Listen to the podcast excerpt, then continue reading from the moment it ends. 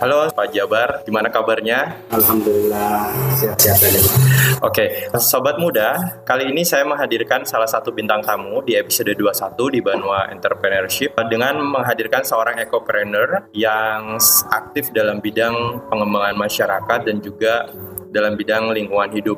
Kali ini Pak Jabar hadir di sini dan saya pengen dengar story dan um, apa ya semacam uh, sejarahnya gimana sampai bisa membentuk sekolah alam gitu Pak Jabar dan beberapa pojok literatur dan pojok baca di wilayah Kampung Begat Bukur Pak Jabar.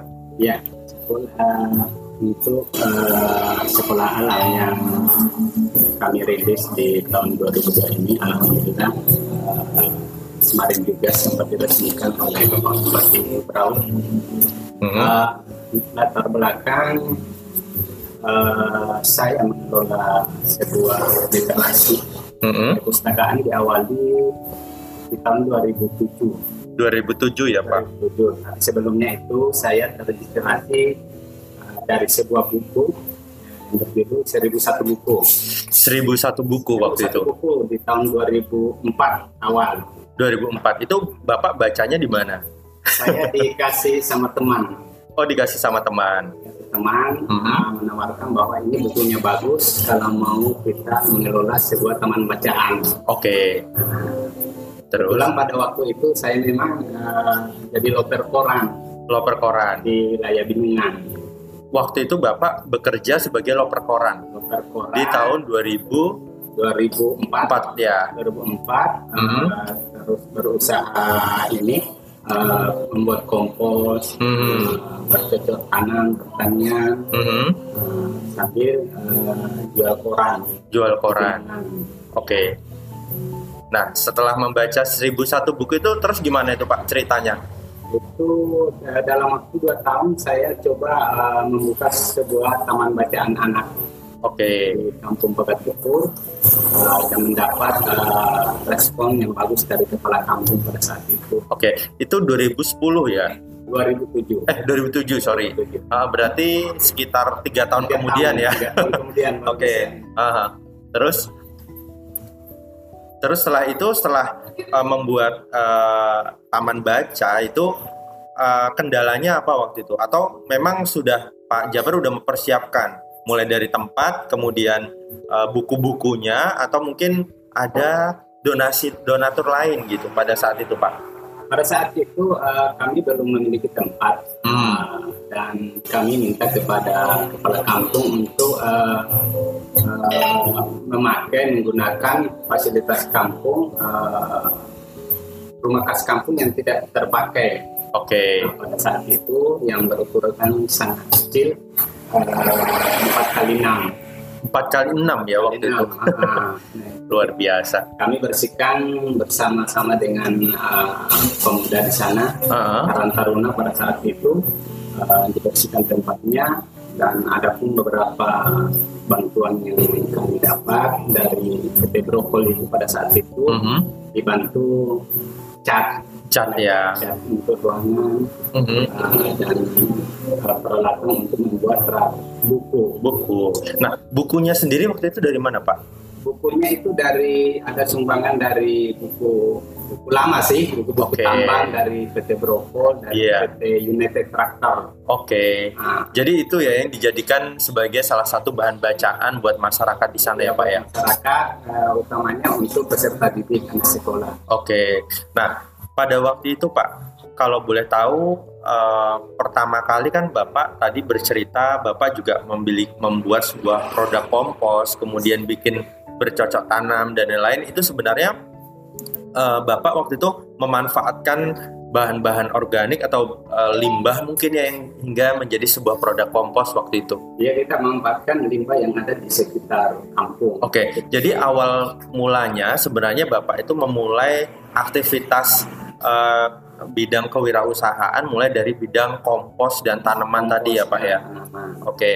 Nah, kompos-kompos itu sebenarnya uh, selain untuk uh, bercocok tanam di uh, wilayah kampung Bapak, ada nggak uh, mungkin Bapak menjualnya ke tempat lain mungkin atau uh, mungkin digunakan untuk bercocok tanam di wilayah Pegat Bukur saja gitu Pak? Pada saat itu kita uh, ada ini ada supply untuk hmm. kebutuhan brokol di Enviro. Oke. Okay. Uh -huh. Saat itu akhirnya uh, dalam uh, waktu yang cukup lama sih juga hmm. tidak mengelola komposnya itu. Oke. Okay. Uh, dan akhirnya saya juga dapat tawaran untuk uh, bekerja di revegetasi. Oh ya oke. Okay. Nah berarti Pak awal mulanya memang bidang lingkungan ya. Nah kemudian Bapak um, sekarang uh, setelah itu setelah mendapat inspirasi dari buku itu, hmm. Bapak membuat sebuah literasi, literasi taman baca, baca untuk anak. memberikan wadah untuk pendidikan yang buat anak-anak Korea. Nah, uh, setelah itu Pak, setelah sekian tahun 2007 didirikan, itu apa saja kegiatannya Pak? 2007 uh, eh, hanya sebatas uh, taman bacaan, terus uh, peminjaman uh, kaset CD. Mm -hmm. Pada saat itu okay. uh, dipinjam untuk anak-anak untuk kaset CD disewakan. Oke. Okay. Nah kaset CD ini isinya pendidikan atau apa Pak? Isinya ada bang soal, terus ada film ini, film anak. Film anak uh, terkait dengan ini ya Pak, uh, pendidikan atau ya sejenisnya lah ya Pak ya. Oke. Okay. Di tahun 2010 uh, eh, kita sudah ini uh, di didengar informasi bahwa di Pegat Bukur itu ada taman bacaan anak. Ini hmm. yang dengar ini dari perpustakaan daerah Kabupaten Berau. Oke. Okay. Dan akhirnya uh, dari uh, dinas terkait, terkait perpustakaan daerah itu uh, menyarankan agar dibentuk sebuah perpustakaan. Oke. Okay perpustakaan, perpustakaan yang resmi gitu pak ya resmi yang di sekarang oleh kepala kampung dan dibawahi dinas perpustakaan daerah dinas perpustakaan daerah luar biasa. Nah kemudian nih pak Jabar uh, setelah dibentuk itu kan ini statusnya udah resmi ya pak ya, ya. nah kegiatannya selain membuka untuk anak-anak uh, melakukan aktivitas membaca buat masyarakat di wilayah Pugan Bukur ada nggak kegiatan lain pak uh, ada pada saat itu 2010 uh, kami mencoba bahwa uh, tidak sebatas perpustakaan saja. Mm-hmm. Kami melihat uh, peserta didik yang ada di sana hanya sebatas TK. Uh-huh. Jadi pendidikan anak usia dini itu yang belum ada. Pendidikan anak usia dini belum ada. Belum ada. Jadi pada saat itu kami mencoba membuat konsep rumah pintar namanya. Oke, nah rumah pintar ini apa pak? Isi uh, kegiatannya itu apa? Rumah pintar uh, dengan terbentuknya rumah pintar ini sangat banyak sekali kegiatan yang bisa kita lakukan di sana, terutama hmm. uh, di ini uh, di sentra perpustakaan dan buku. Hmm. Uh, ada pendidikan anak usia dini. Oke. Okay. Uh, ada pelatihan komputer. Oke. Okay. Pelatihan sanitari. Oke. Okay. Uh, dan pengelolaan uh, sumber daya pertanian, pertanian masyarakat di sana. Luar biasa. Nah, ini yang saya bilang nih Pak Jabar dan saya sudah menceritakan ke teman-teman termasuk saya publish di beberapa media sosial bahwa uh, salah satu contoh aktor yang ada di wilayah Kabupaten Berau adalah seorang ekopreneur. Nah, ekopreneur yang saat ini salah satunya adalah Pak Jabar dan Pak Jabar selain sebagai seorang ekopreneur tetapi juga berkontribusi terhadap pengembangan masyarakat dalam hal pendidikan dan literasi. Nah, berarti um, taman baca ini yang awalnya dari tempat membaca buat anak-anak, kemudian Bapak kemas menjadi pusat sentral pendidikan buat anak-anak di sana, termasuk bidang bidang non uh, skill ya, skill uh, bidang kesenian dan budaya gitu ya Pak ya. Luar biasa. Nah, kalau boleh tahu Pak, itu kontribusi uh, untuk operasional di sana itu apakah Bapak sendiri atau mungkin ada pihak uh, luar termasuk pemerintah dan juga swasta dalam hal uh, membantu operasional di sana Pak? Untuk saat ini uh, kami sudah cukup uh, lumayan juga uh, sentuhan baik dari pemerintah mm-hmm. kampung, mm-hmm. kecamatan, kabupaten ya alhamdulillah karena sentra-sentra yang berjalan sekarang itu bisa dianggap uh, biaya operasionalnya itu tersendiri ada. Oke. Okay. seperti di sentra PPA Taman Pendidikan Al-Quran, mm-hmm. perpustakaan, pendidikan okay. anak usia dini mm-hmm. itu lewat dana alokasi dana kampung. Alhamdulillah, keren banget. Nah, Pak Jabar, ini uh, Mas dengan Mas siapa tadi? Ini Mas Upik, Mas, Mas Upik ya. Nah, Mas Upik ini salah satu uh, yang aktif di taman baca ini ya mas? Anu pak ya? Ini yang mengelola sekolah alam.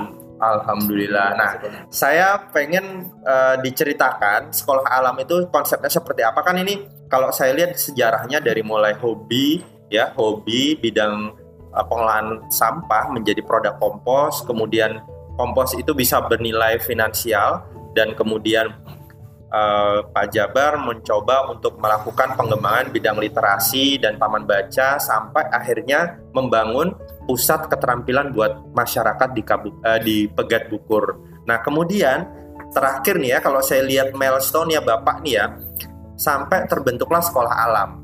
Nah, apakah sekolah alam ini didirikan atas dasar ketika Bapak mengembangkan dari pojok literasi menjadi pusat keterampilan yang tidak hanya mengembangkan atau memberi memberikan pendidikan buat uh, pendidikan kesenian dan budaya tetapi mengarah ke pendidikan lingkungan. Begitu ya Pak? Ya, ya. sehingga terbentuklah sekolah alam.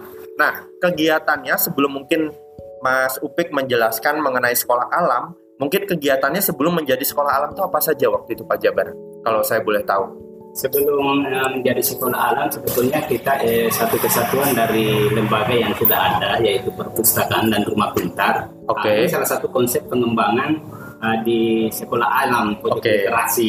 Oke. Okay. Uh, yang mana kegiatan di sekolah alam pojok literasi terdapat beberapa koleksi. Oke. Okay. Koleksi yang berbentuk uh, media cetak buku. Buku. Ataupun contoh-contoh media tanam. Media tanam. Oke. Okay. Uh, yang kita ada di sana. Wah luar biasa. Nah Pak Jabar, saya melihat di uh, akun media sosialnya Bapak gitu ya. Kan di situ ada buku terkait pendidikan alam dan lingkungan yeah. ya Kemudian yang kedua, Bapak ada bibit-bibit ya, bibit dan benih tanaman alam yang mungkin saya lihat ada kegiatan uh, bercocok tanam di situ. Nah, kemudian di wilayah Bapak itu kalau boleh tahu ada berapa hektar tuh Pak? Saya lihat itu kan ada kolam ikan, kemudian ada gazebo-gazebo gitu. Itu berapa luasnya itu Pak? Itu uh, untuk di sana semua kami menjalin kerjasama dengan kebun-kebun tanah yang milik warga itu mm -hmm. sekitar 10 hektar semua Pak. Luar biasa. cuma yang baru sekarang termanfaatkan itu sekitar 4 hektar. 4, he 4 hektar ya. Uh -huh. Jadi ini benar-benar kolaborasi ya dengan masyarakat dengan sekitar ya? masyarakat. ya. Saya terus terang Pak Jabar, saya baru tahu, saya dengarnya waktu itu adalah Bapak mendirikan taman baca. Tetapi memang konsepnya adalah taman baca buat masyarakat saja, tetapi ternyata di dalam taman baca itu ada kegiatan-kegiatan lain sampai ujung-ujungnya adalah mengedukasi terhadap lingkungan hidup gitu ya Pak ya. Nah, mungkin sekarang saya pengen dengar nih Mas Upik ceritanya sekolah alam itu apa aja? Sekolah alam membelajarkan untuk anak-anak untuk belajar sekitar alam. Oke. Okay. Kita kan biasa kan anak jenuh di sekolahan. Di sekolahan jenuh ya. Jenuh. Dia maunya inspirasinya pengen luasa pikirannya lah. Oke. Okay. Belajar tentang pohon, mm-hmm. bibit ikan, jenis ikan. Oke. Okay. Nah, ini anak-anak nih usianya dari SD, ETK, SD, SMP, SMA. SMP aja. SMP saja. Iya. Oke. Okay. Nah, kegiatannya selain untuk mengenalkan alam, apakah ada semacam kegiatan bercara bercocok tanam buat anak-anak, kemudian menjelaskan bahwa lingkungan itu sangat penting dan uh, cara memelihara ikan misalkan, cara membuat pupuk kompos mungkin ada nggak semacam itu? Ya, ini sih. Biasanya sih cuma untuk cara bercocok tanam sama jenis-jenis ini pohon. Pohon ya, ya berbuah ini pohon apa berbuahnya apa. Luar biasa. sama bibit-bibit ikan. Iya iya iya. Jadi itu uh, tetapi khusus untuk anak-anak atau pelajar wilayah Pegat Bukur Pak. Atau mungkin memungkinkan nggak dari luar Pegat Bukur? Iya. Memungkinkan ya? Luar biasa. Nah oke. Okay.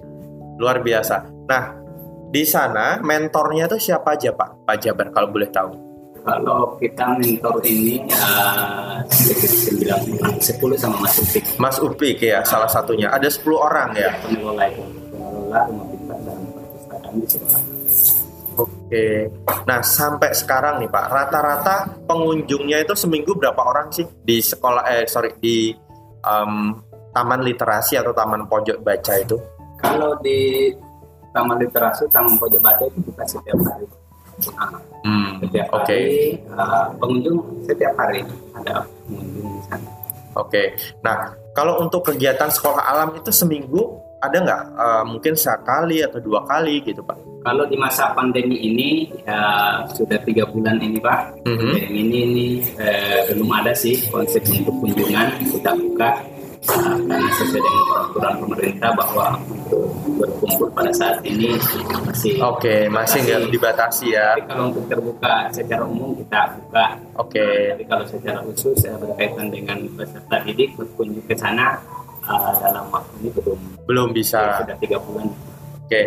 nah saya pengen tahu nih sejarahnya Pak Jabar um, terkait prestasi yang telah diperoleh oleh sekolah alam ini dan pojok literasi dan pojok baca itu gimana ceritanya sih sampai bapak mengikuti event lokal dan nasional dan kalau nggak salah sih bukan baru kali ini ya sebelum sebelumnya pernah ikut ya pak ya? Ya kita mengikuti event itu dari 2010 Uh, itu event uh, berlomba perpustakaan tingkat tingkat provinsi. Provinsi, uh. itu dua kali juara dua. Dua kali juara dua. Dua kali juara satu mhm. -huh. provinsi.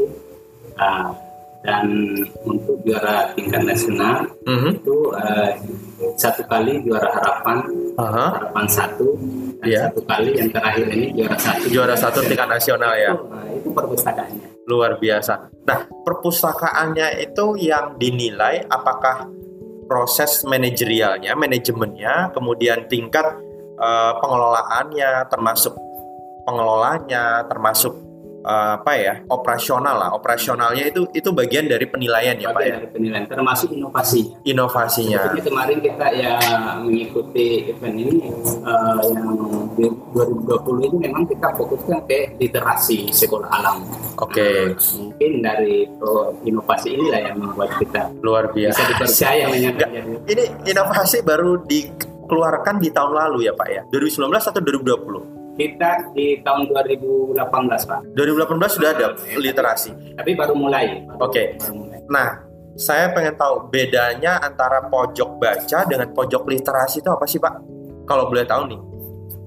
Kalau pojok baca yaitu khusus ya, khusus khusus kegiatan membaca kegiatan ya. Membaca. Ah, ah literasi itu penerapan penerapan ya. prakteknya langsung bisa baca okay. langsung di lapangan. Oke, okay, jadi uh, jadi implementasi dari kegiatan pemba uh, pendalaman materi, misalkan tentang materi tentang perlindungan alam ya, mungkin implementasi di lapangan ya, apa yang mereka inklusi, inklusi ya pak ya, luar biasa. Jadi kalau menurut saya nih Pak ya, um, sekarang tuh kalau di era digital itu ada namanya inklusi, inclusion, kemudian ada namanya inkubator ya. Nah, inkubator ini bagian dari um, proses pembentukan karakter misalkan, kemudian pembentukan talent buat anak-anak sekolah usia sekolah ataupun yang sudah tidak sekolah ya. Nah, laboratoriumnya itu adalah di sekolah alam dan pojok literaturnya Bapak ini. Nah, kemudian inklusi kegiatan inklusinya itu dilakukan setelah kegiatan uh, pembaca, uh, membaca ya di dalam uh, pojok baca yang ada di sekolah Bapak. Nah, uh, by the way, sekarang ini yang saya pengen tahu kira-kira program ini inovasi berikutnya ini apa apa Pak? Apakah mungkin ada akan ada terobosan baru selain program literasi yang kemarin menjadi unggulan sehingga mendapatkan juara nasional gitu? Tetap inovasi itu setiap tahun kita gali yang uh -huh. bisa nanti dieventkan okay. untuk bisa dikembangkan uh -huh. uh, di Bekat Bukur dan uh, sekitarnya supaya masyarakat yang ada di Kabupaten Berau bisa uh, jadi corong Bekat Bukur bahwa Bekat Bukur juga bisa. Hmm, Oke. Okay. Setiap tahun kita ada inovasi. Yang mudah-mudahan di tahun 2001 ini kita ada kafe literasi. Apa kafe literasi kafe ya Pak? literasi luar biasa. Nah, saya rasa ya Pak ya, kalau kafe literasi itu mungkin bisa menjadi salah satu terobosan baru gitu. Ya mungkin bisa Bapak buat di Kampung Pegat Bukur. Dan kemudian um, yang saya menjadi heran dan juga uh, apa menjadi amazing ya, something amazing, sesuatu yang luar biasa itu adalah dari pojok Kabupaten Berau di Kampung Pegat Bukur terbentuklah salah satu pojok literasi, pojok baca, sekolah alam yang menjadi satu kesatuan ya. Ini adalah konsep terpadu ya Pak ya, konsep ecopreneurship dan juga uh, boleh dikatakan entrepreneurship yang menjadi satu berkolaborasi dan sehingga muncul menjadi salah satu jawara tingkat nasional gitu kan. Luar biasa sekali. Nah kemudian nih Pak kendala apa sih yang dihadapin selama ini? Mulai dari membentuk pojok literasi ini pojok baca dan kegiatan lainnya yang sudah dirintis.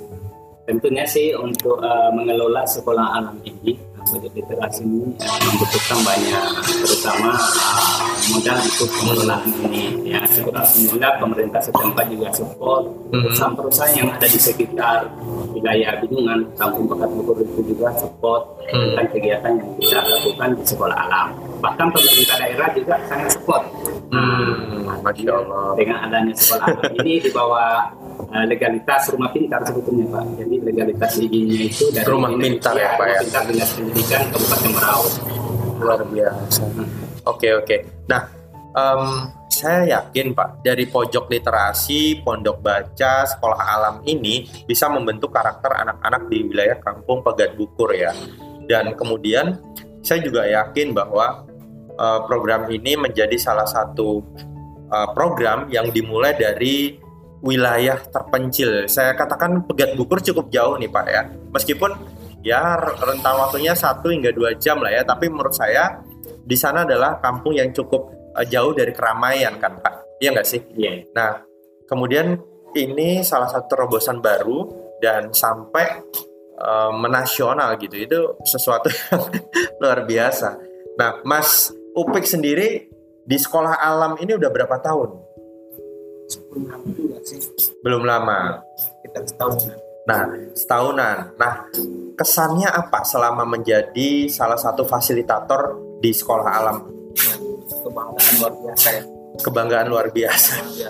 Uh, sebelumnya pernah nggak mendapatkan ilmu dari proses apa ya pendidikan dan juga development pengembangan buat anak-anak didik di wilayah Kampung Pekan Bukur pernah nggak terlibat? Nggak pernah ya. Nah sekarang Bapak um, memberikan salah satu program pendidikan sekolah alam buat anak-anak di sana itu awal mulanya kan nggak ada pengalaman nih. Berarti dididik oleh Pak Jabar ya? Luar biasa. Keren keren keren. Nah harapannya nih apa nih? Kita harus make wish nih.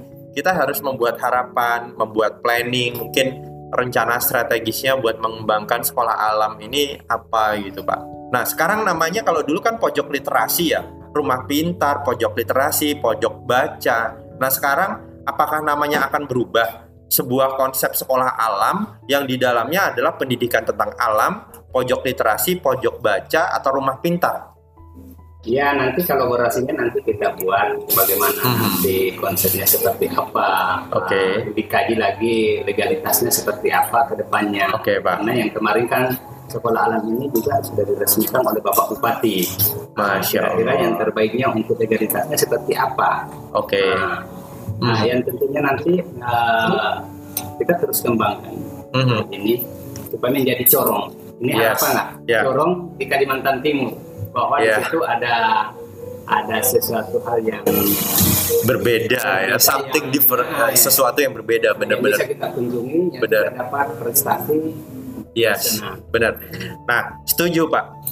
Barangkali, barangkali Pak Jabar dan teman-teman bisa membuat. Saya dengar pernah mendengar ada sekolah alam ya di luar sana Pak ya. Tetapi menurut saya nanti sekolah alam Bapak ini menjadi sesuatu yang berbeda, di mana mungkin konsepnya adalah sekolah alam terpadu yang di dalamnya memadukan antara pendidikan tentang alam buat anak-anak usia sekolah, kemudian ada pondok baca, ada pojok literasi, dan kemudian mungkin di situ akan sekolah inklusi eh, inklusi tadi ya dan uh, pojok pendidikan mengenai sosial dan budaya.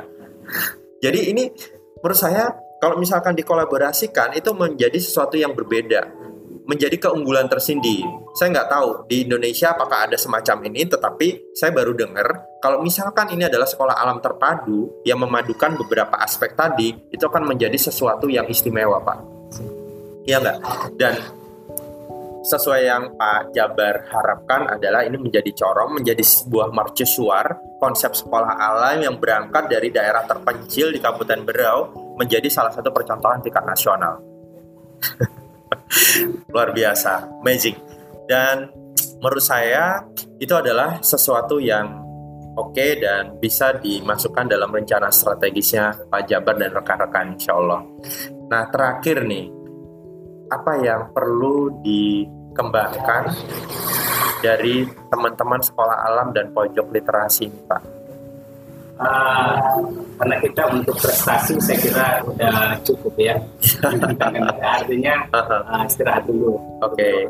tahun kemudian baru ikut lagi prestasi uh, yang paling kita inginkan yaitu ada UKM ada UKM unit usaha yang kita kelola oke okay. uh, yang untuk mengarah ke mandirian oke okay. mandirian lembaga yes nah oke okay. menurut saya Pak saya tertarik nih kalau misalkan ngomongin soal UKM Nah, barangkali sekolah alam ini juga akan mempermadu, mem, apa, memadukan antara konsep pengembangan UKM untuk wilayah Kampung Pugat Bukur. Saya tertarik karena kami di sini bagian dari komunitas yang konsen terhadap Banua uh, entrepreneurship yang dinamakan Banua School of Entrepreneurship. Nah, di mana komunitas Banua Entrepreneur ini menjadi salah satu ajang buat mengembangkan anak-anak muda dan tidak terkecuali bukan hanya anak muda sebenarnya tetapi kami fokusnya memang anak muda untuk bisa memberikan uh, semangat kepada mereka dalam hal bidang kewirausahaan. Saya setuju sekali Pak. Nah, suatu saat saya berharap bisa sama-sama berkolaborasi dalam hal ini dalam mengembangkan UMKM di wilayah Kabupaten Berau khususnya dan juga Kampung Pegat Bukur. Ya. Oke, okay. Terima kasih Pak Jabar dan juga Mas Ubik. Uh, terakhir ada yang mau disampaikan pesan dan kesan buat kita semua? Uh, saya sih pesan aja jangan berhenti untuk berusaha. Oke. Okay. Insya Allah akan membuahkan hasil begitu ya Mas. Ya. Amin. Gimana Pak Jabar? Uh, pesan saya pada masa itu saya berterima kasih mm-hmm. dan sesuai yang tadi kami ditawarkan yang itu kita akan juga mengundang uh, Pak Saiful ke sana. Insya Allah. Uh, mudah-mudahan dengan bergabungnya saya di sini mm. berkelanjutan. Amin. Uh, Insya Allah. Kemitraan ini bisa terbangun. Yes, betul.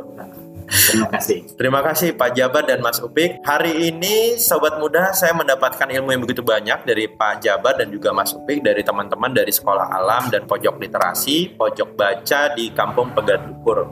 Sesuai dengan tema kita pada malam hari ini adalah bagaimana dan uh, how to develop ecopreneurship ya dalam hal kontribusinya terhadap pengembangan masyarakat di Kampung Pegat Bukur dan saya mendapatkan ilmu dan juga strategi yang cukup gitu dari Pak Jabar dan juga dari Mas Upik ini. Terima kasih. Sampai ketemu minggu depan, Sobat Muda, di episode 22. Assalamualaikum warahmatullahi wabarakatuh dan selamat malam.